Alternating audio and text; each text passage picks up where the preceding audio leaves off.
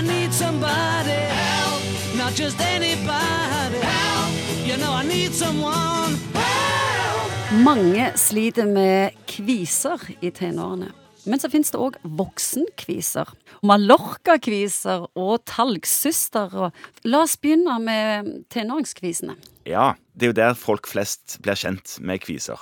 Og det er der det gjør vondest Ja. i psyken å få kviser. Det er helt sant. Det er jo en av de tingene som er ordentlig tåpelig anlagt, at hormonforstyrrelsene, eller endringene som kommer i puberteten, kan føre med seg akne, som det heter på fagspråket. Akne vulgaris, for sikkerhets skyld, for å være ordentlig fin på det. Når jeg vokste opp, da så du jevnlig sånne pubertetsjenter med masse plagsomme kviser. Men jeg syns ikke vi ser så mye til de nå. Betyr det at eh, dere har funnet løsningen? Ja, altså, i kvisebehandling så har det jo skjedd en del den siste tiden, men har fått bedre produkter og har mer å spille på. Og det er vel òg sånn i samfunnet at en aksepterer mindre og mindre ting. Altså Før i tiden så var det sånn ja, ja, nå kommer kvisetida, og så jobber en seg gjennom det uten å bruke så veldig mange produkter. Men nå er det mer vanlig å bruke mange forskjellige produkter som kan redusere problemet. Tenåringene de får kviser av hormoner, ikke kosthold og sånne ting. Ja, altså Hormonene er jo viktige. En del bruker jo òg produkter som kan tilstoppe porene, sånn at en får kviser av det. Og så er det jo òg forskning nå som tyder på at høyt inntak av raske karbohydrater, altså godteri og sånne ting, kan øke risikoen noe for kviser. Hvis du får en 16-åring inn med masse kviser, hvordan behandler du? Det kommer litt an på hvor alvorlige kviser denne 16-åringen har. Det første man begynner med, er jo ofte lokalbehandling i form av hudvasker og, og sånne ting. Forskjellige styrker på disse tingene her, og hvis ingenting av det går, så kan man bruke antibiotika. Fordi man er blitt veldig klar over at det er en sånn egen type bakterie som bor nede i disse talgkjertlene som blir infiserte, som heter propionbakterier, og de kan man behandle.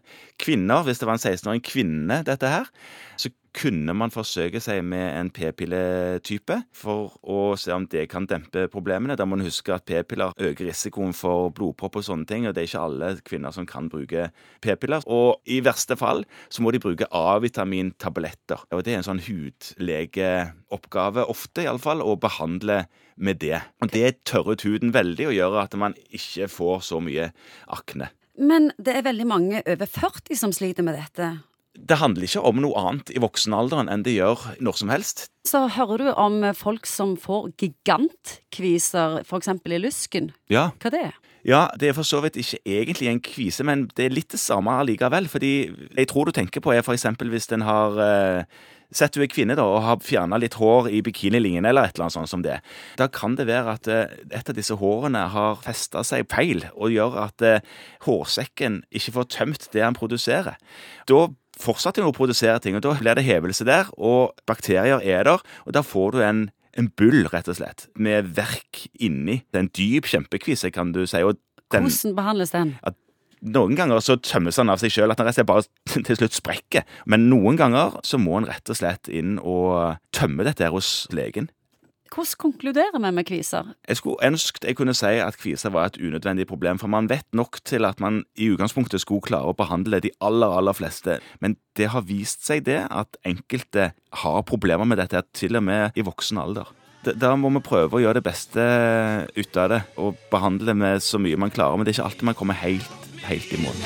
Help me